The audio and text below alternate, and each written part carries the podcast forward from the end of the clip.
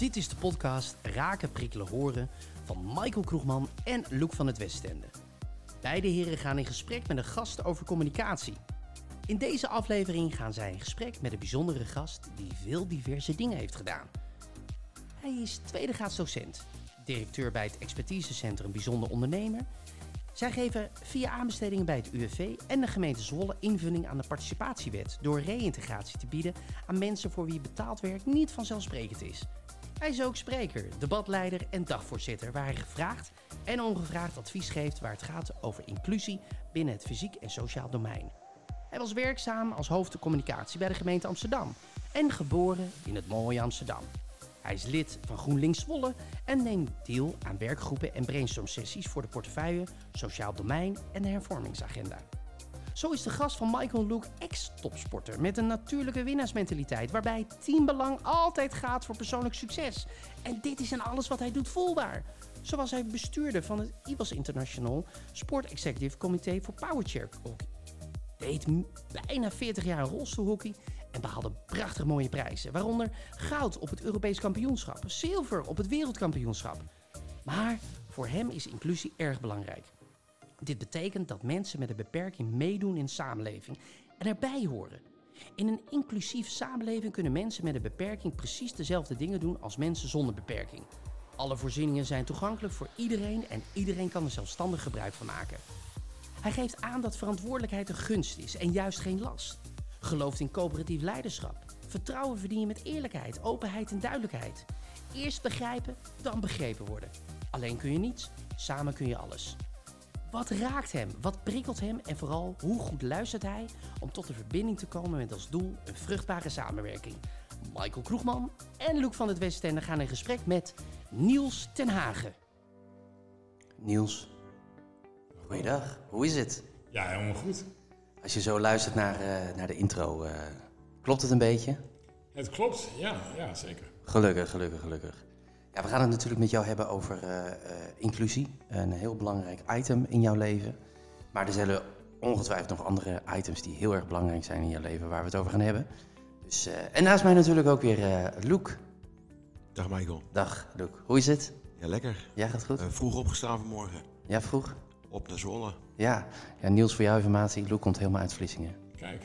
Ja. Mooi stukje rijden. Ik heb heel Nederland ongeveer gezien. Althans, het gevoel heb ik. Ja, ik kan me voorstellen. Ja, maar het was lekker rustig op de weg en uh, twee keer gestopt voor een kommetje koffie. Ik had gerekend op een derde, maar dit is nou thee, dus uh, ook goed. ik ben vereerd, helemaal uit. Ja, nou ik heb het graag gedaan, want ik heb uh, het een en ander over jou gelezen en ja, heel bijzonder toch. Althans, van mijn kant. Ja, het is heel bijzonder, maar aan de andere kant ook heel normaal. Ja. de vraag, wat is bijzonder? Ja, nou, ik, wat, wat ik wel leuk vond, in een zinnetje wat me opviel, wat ik uh, ergens gelezen heb. Het mooie aan de wereld is dat we allemaal anders zijn. Ja, ja de wereld is natuurlijk in, in de basis divers. En uh, zo wil het ook graag zien. Nou, alle mensen zijn anders en dat is het mooie. En het gekke is dat we mensen graag uh, bekijken als massa. Okay. We gaan uit van een uniforme samenleving, waar een bepaalde standaard is. En mensen moeten voldoen aan die standaard. Terwijl eigenlijk de wereld helemaal niet standaard en hetzelfde is. En mensen met een beperking, waar het dan vaak over gaat en waar je waarschijnlijk ook aan refereert, die worden dan buiten dat normale geplaatst. Terwijl ik het juist gek vind, want het mooie is dat iedereen. Ja, en je kan ook de vraag stellen, wat is normaal? Precies, en wat is het nieuwe normaal? Ja, ja dat, dat gaan we dan in de toekomst weer, ja. weer, weer, zien. Nou, Loek, ik heb een vraag aan jou. Jij zegt bijzonder. Wat vind je er bijzonder aan dan? Want je ziet natuurlijk dat Niels een behoorlijke cv heeft. Ja, nou, dat, dat, dat met name. Wat, wat ik er bijzonder aan vind, is dat hij ja, voor zichzelf een weg heeft gekozen om ja, te, te leven. De, de, dingen te doen die hij graag wil. Want je, had, je refereerde ook aan Gandhi. Hè. Waar een wil is, is een, is weg. Uh, en dat zie ik in, in datgene wat ik over jou lees. Uh, dat, dat zie ik terug. En ja, dat, dat vind ik dan bijzonder. Je, je, roept het niet alleen, maar je doet het ook. En vaak is het andersom. En ja, dat maakt jou dan weer bijzonder. Ja, dat klopt. Nou, waar, waar jij refereert is inderdaad Gandhi die zegt... kracht komt niet voort uit fysieke vermogens, maar uit een ontembare wil. En die kreeg ik al heel jong voorgeschoten van mijn vader. En dat raakte me eigenlijk, want kracht is iets wat ik fysiek niet heb die kunnen dat natuurlijk niet zien, maar dat is even goed, ja, goed, ja, precies. Het is even goed om te vertellen uh, wat jij ook al zegt. Uh, wat heb je precies? Ja, ik heb een spierziekte, een spinale musculaire atrofie. Misschien kennen mensen het omdat het momenteel heel veel in het nieuws is. Het duurste medicijn ter wereld is Ah, kijk, ja. tegen mijn spierziekte eh, onder andere. Ja, dus die ziekte heb ik en dat betekent dat ik daardoor in een rolstoel zit en mij verplaats in een rolstoel. Eh, ja, Gandhi gaat over kracht en die fysieke kracht heb ik dus niet. Ik kan mijn eh, handen en mijn benen en dergelijke niet goed gebruiken. Maar goed, die kracht zit er wel in het hoofd en dat eh, gebruik ik zo goed mogelijk.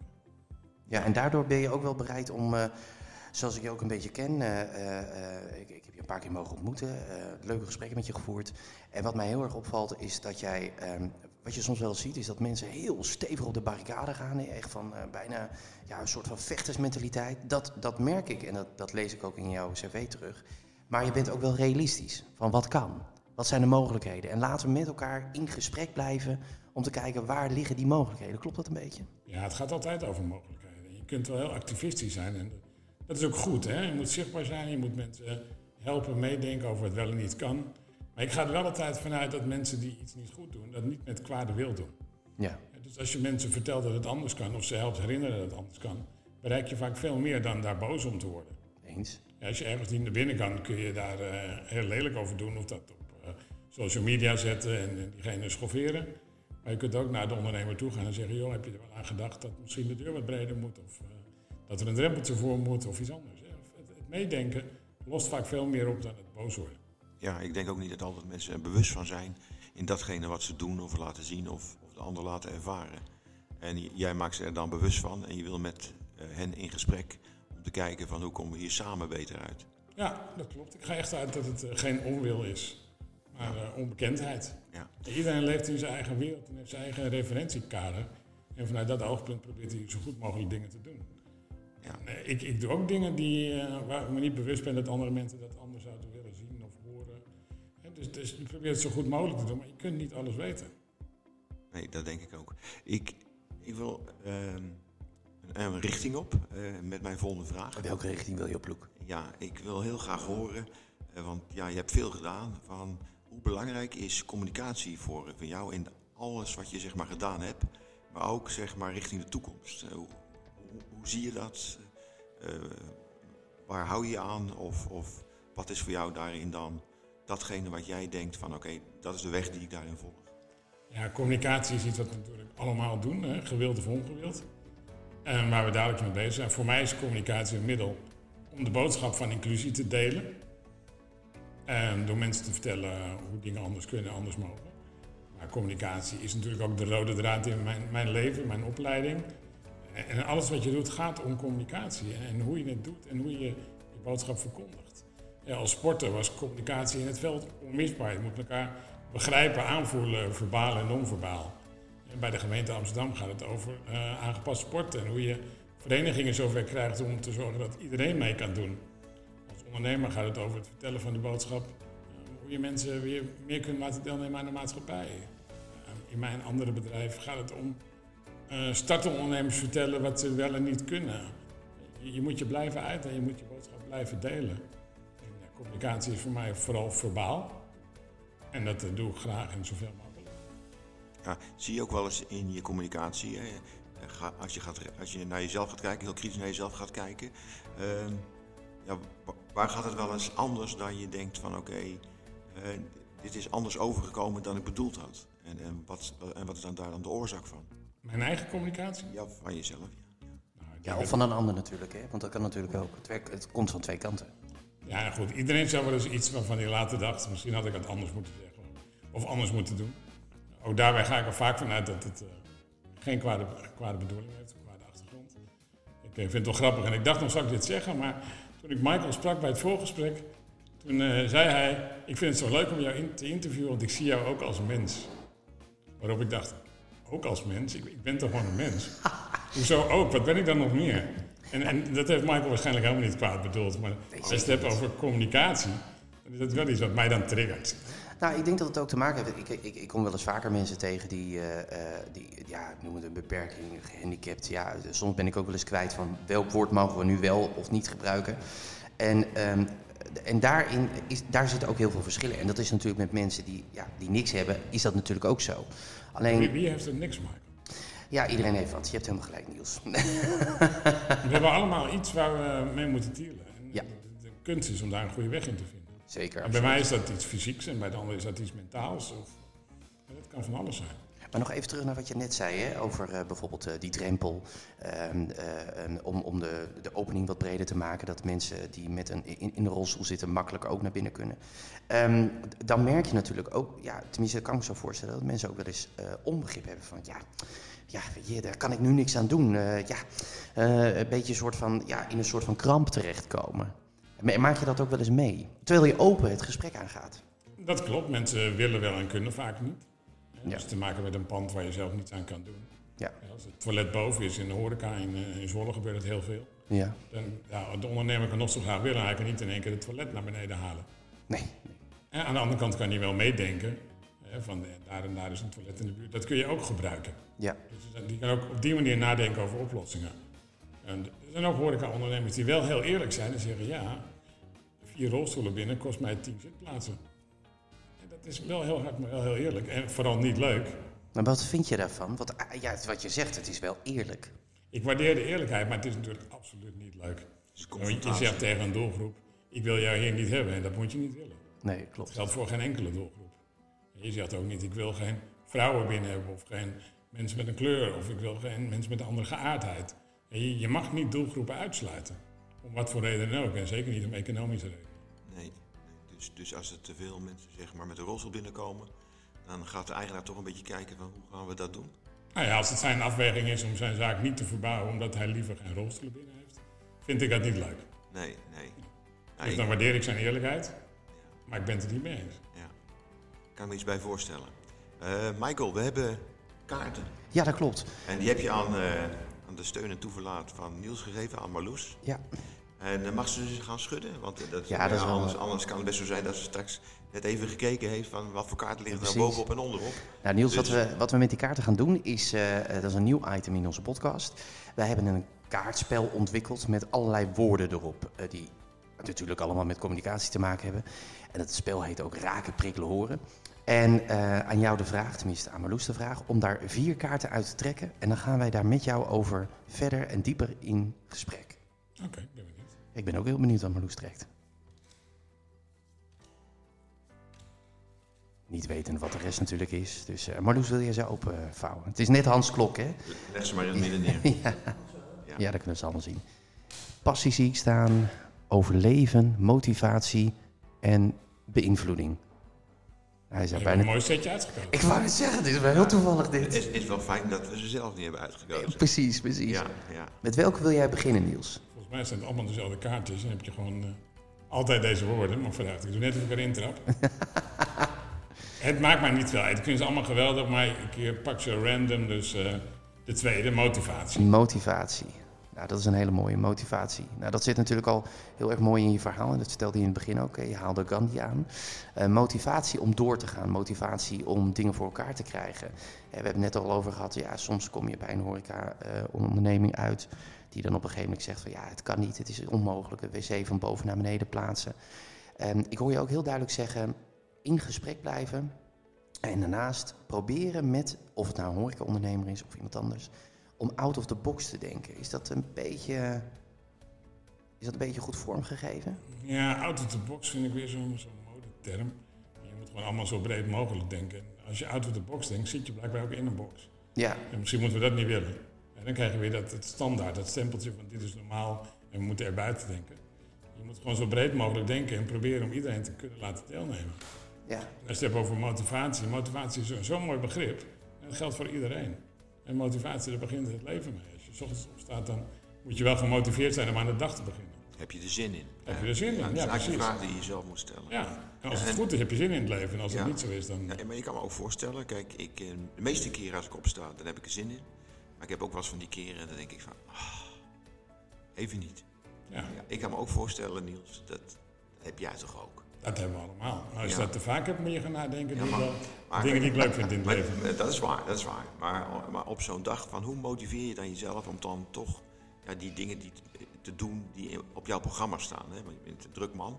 Dus dan denk ik ook van, ja, je hebt een agenda en daar staan allerlei dingen in.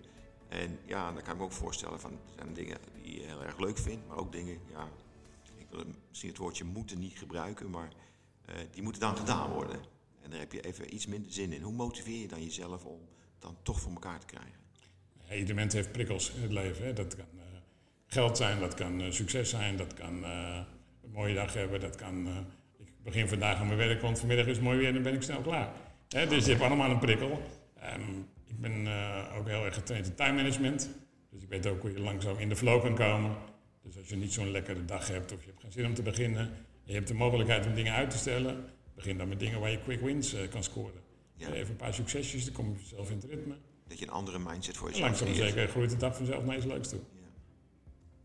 Oké, Michael, heb jij nog iets waar je denkt van, oké, dat wil ik wel weten. Hoe, Nou, ik vind het wel dat- Ik, ik, ik wil het ook wel eigenlijk aan jou vragen. Hoe motiveer jij je? Want je zegt heel mooi van ja, soms heb je wel eens die momenten, die herken ik ook. Maar hoe motiveer jij je? Nou, ik, ik kijk van, wat levert het mij op als ik daar wel aan begin?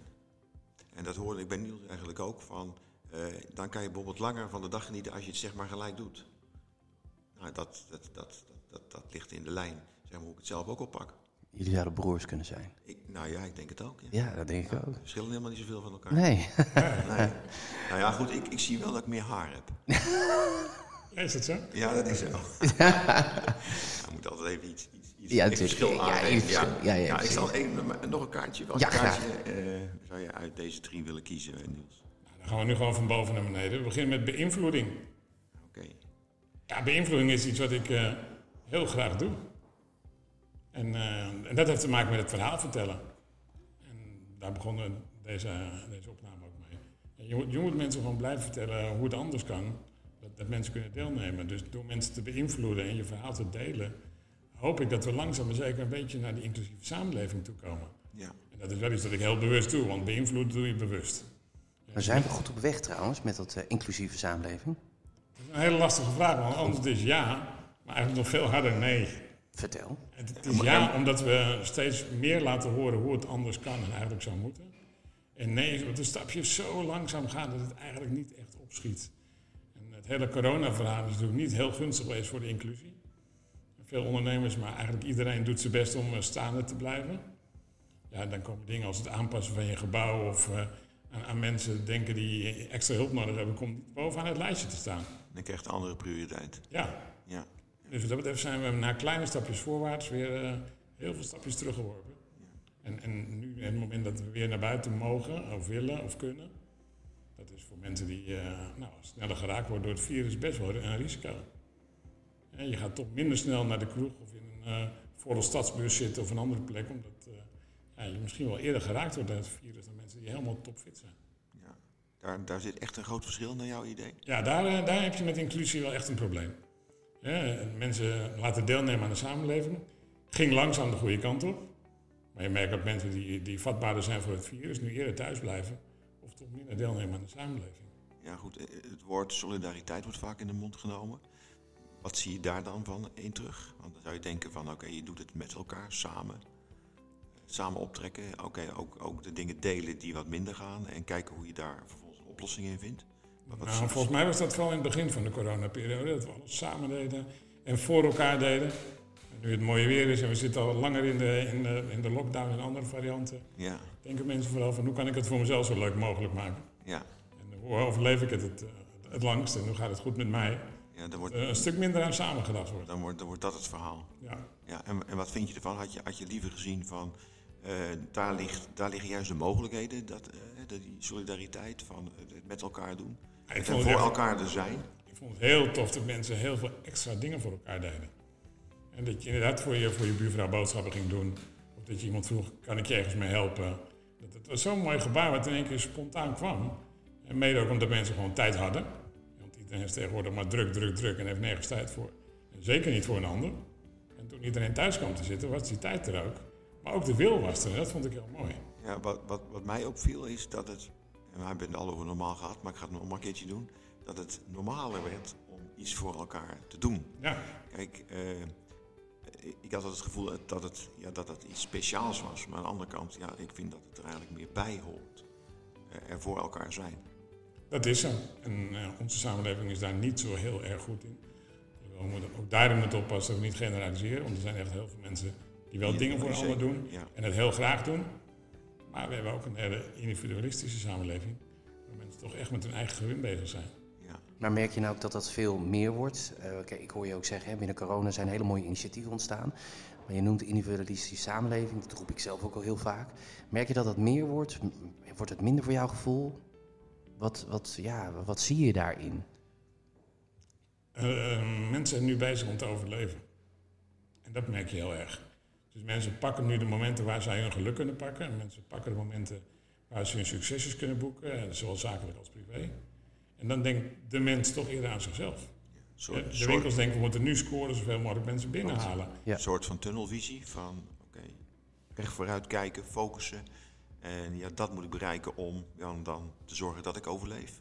Ja, het is echt overlevingsdrang. Hè. Het is ook eh, een, een behoefte aan dingen. Hè. Het gaat over dat mensen elkaar niet mochten ontmoeten. Dat vonden we allemaal heel naar. Het is ook zo natuurlijk, want dat, dat wilden mensen heel graag. Dus nu het weer kan en we mogen naar buiten en het is mooi weer, denkt iedereen massaal, we gaan wat doen. Eh, dan krijg je dus de situatie van, we gaan ontmoeten waar het beter niet kan. Ja, ja. Ja.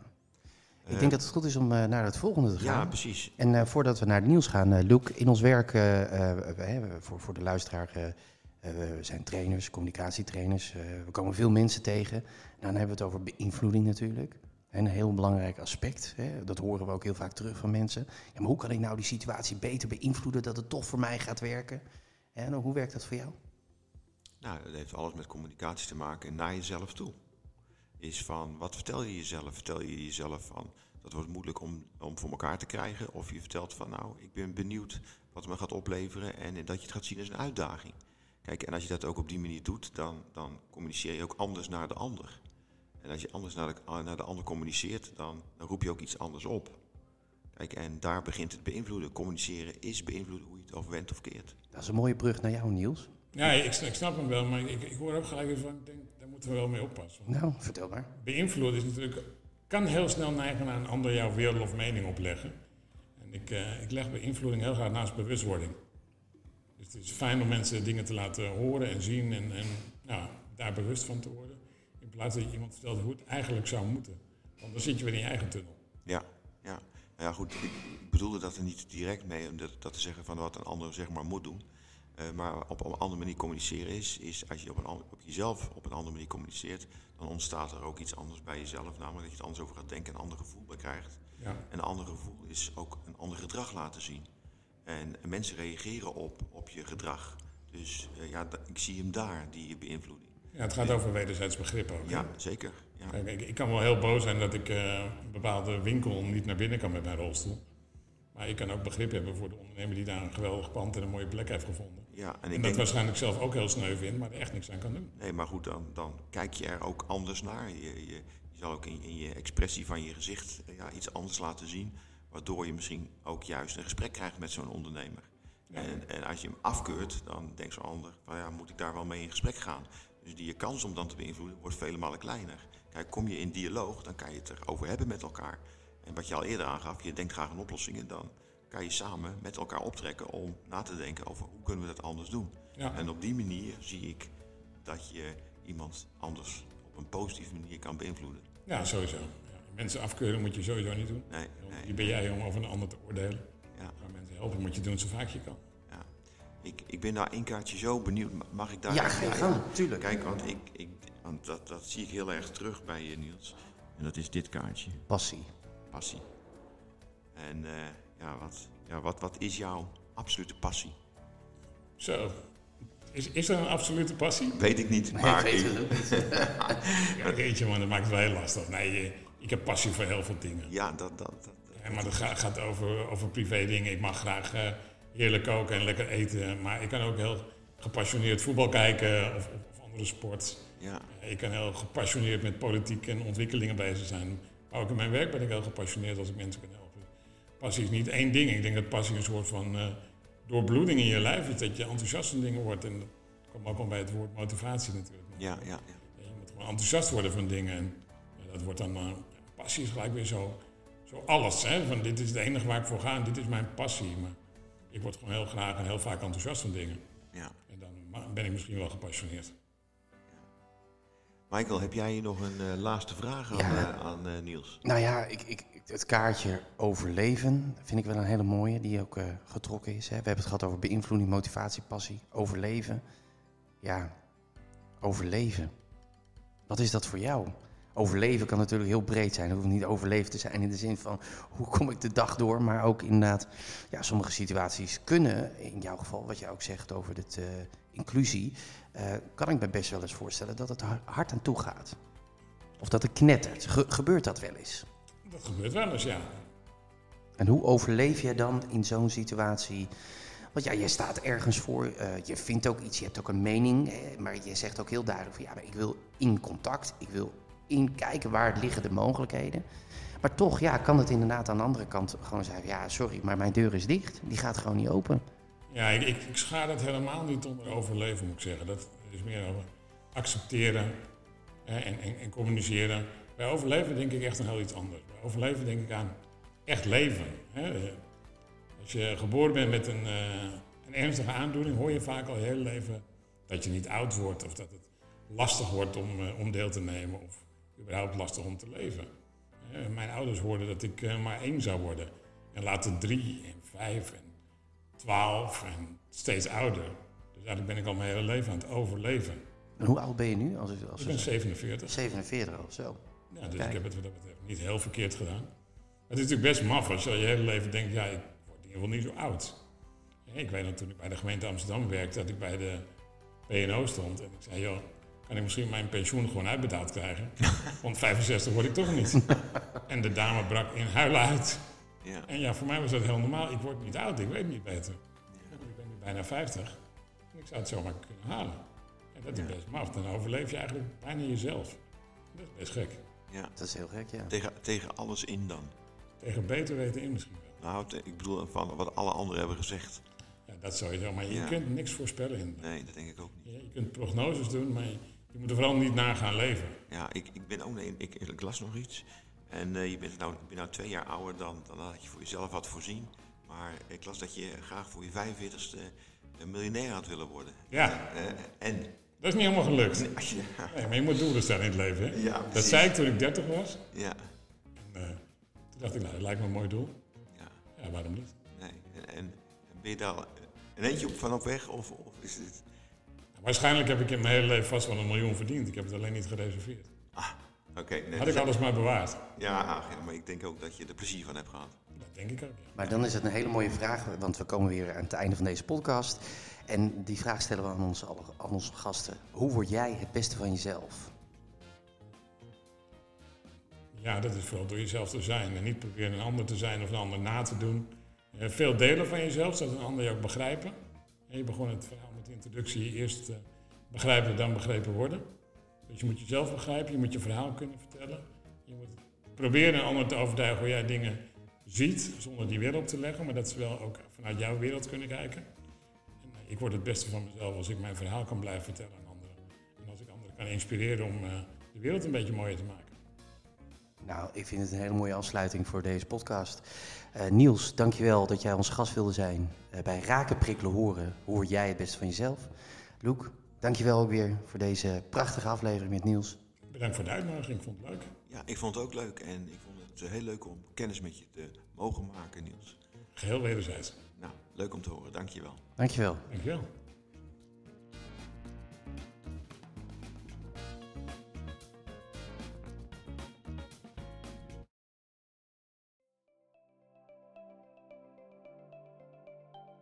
Leuk dat je hebt geluisterd naar de podcast Raken, Prikkelen, Horen. Hoe word jij het beste van jezelf? Wil je meer afleveringen beluisteren? Ga dan naar goaltrainingen.nl Raken, Prikkelen, Horen.nl of de diverse podcastplatforms. En vergeet je dan niet te abonneren.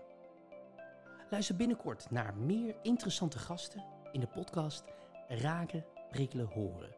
Hoe word jij het beste van jezelf? Deze podcast is mede mogelijk gemaakt door Goaltrainingen en Studio 751. Tot de volgende keer.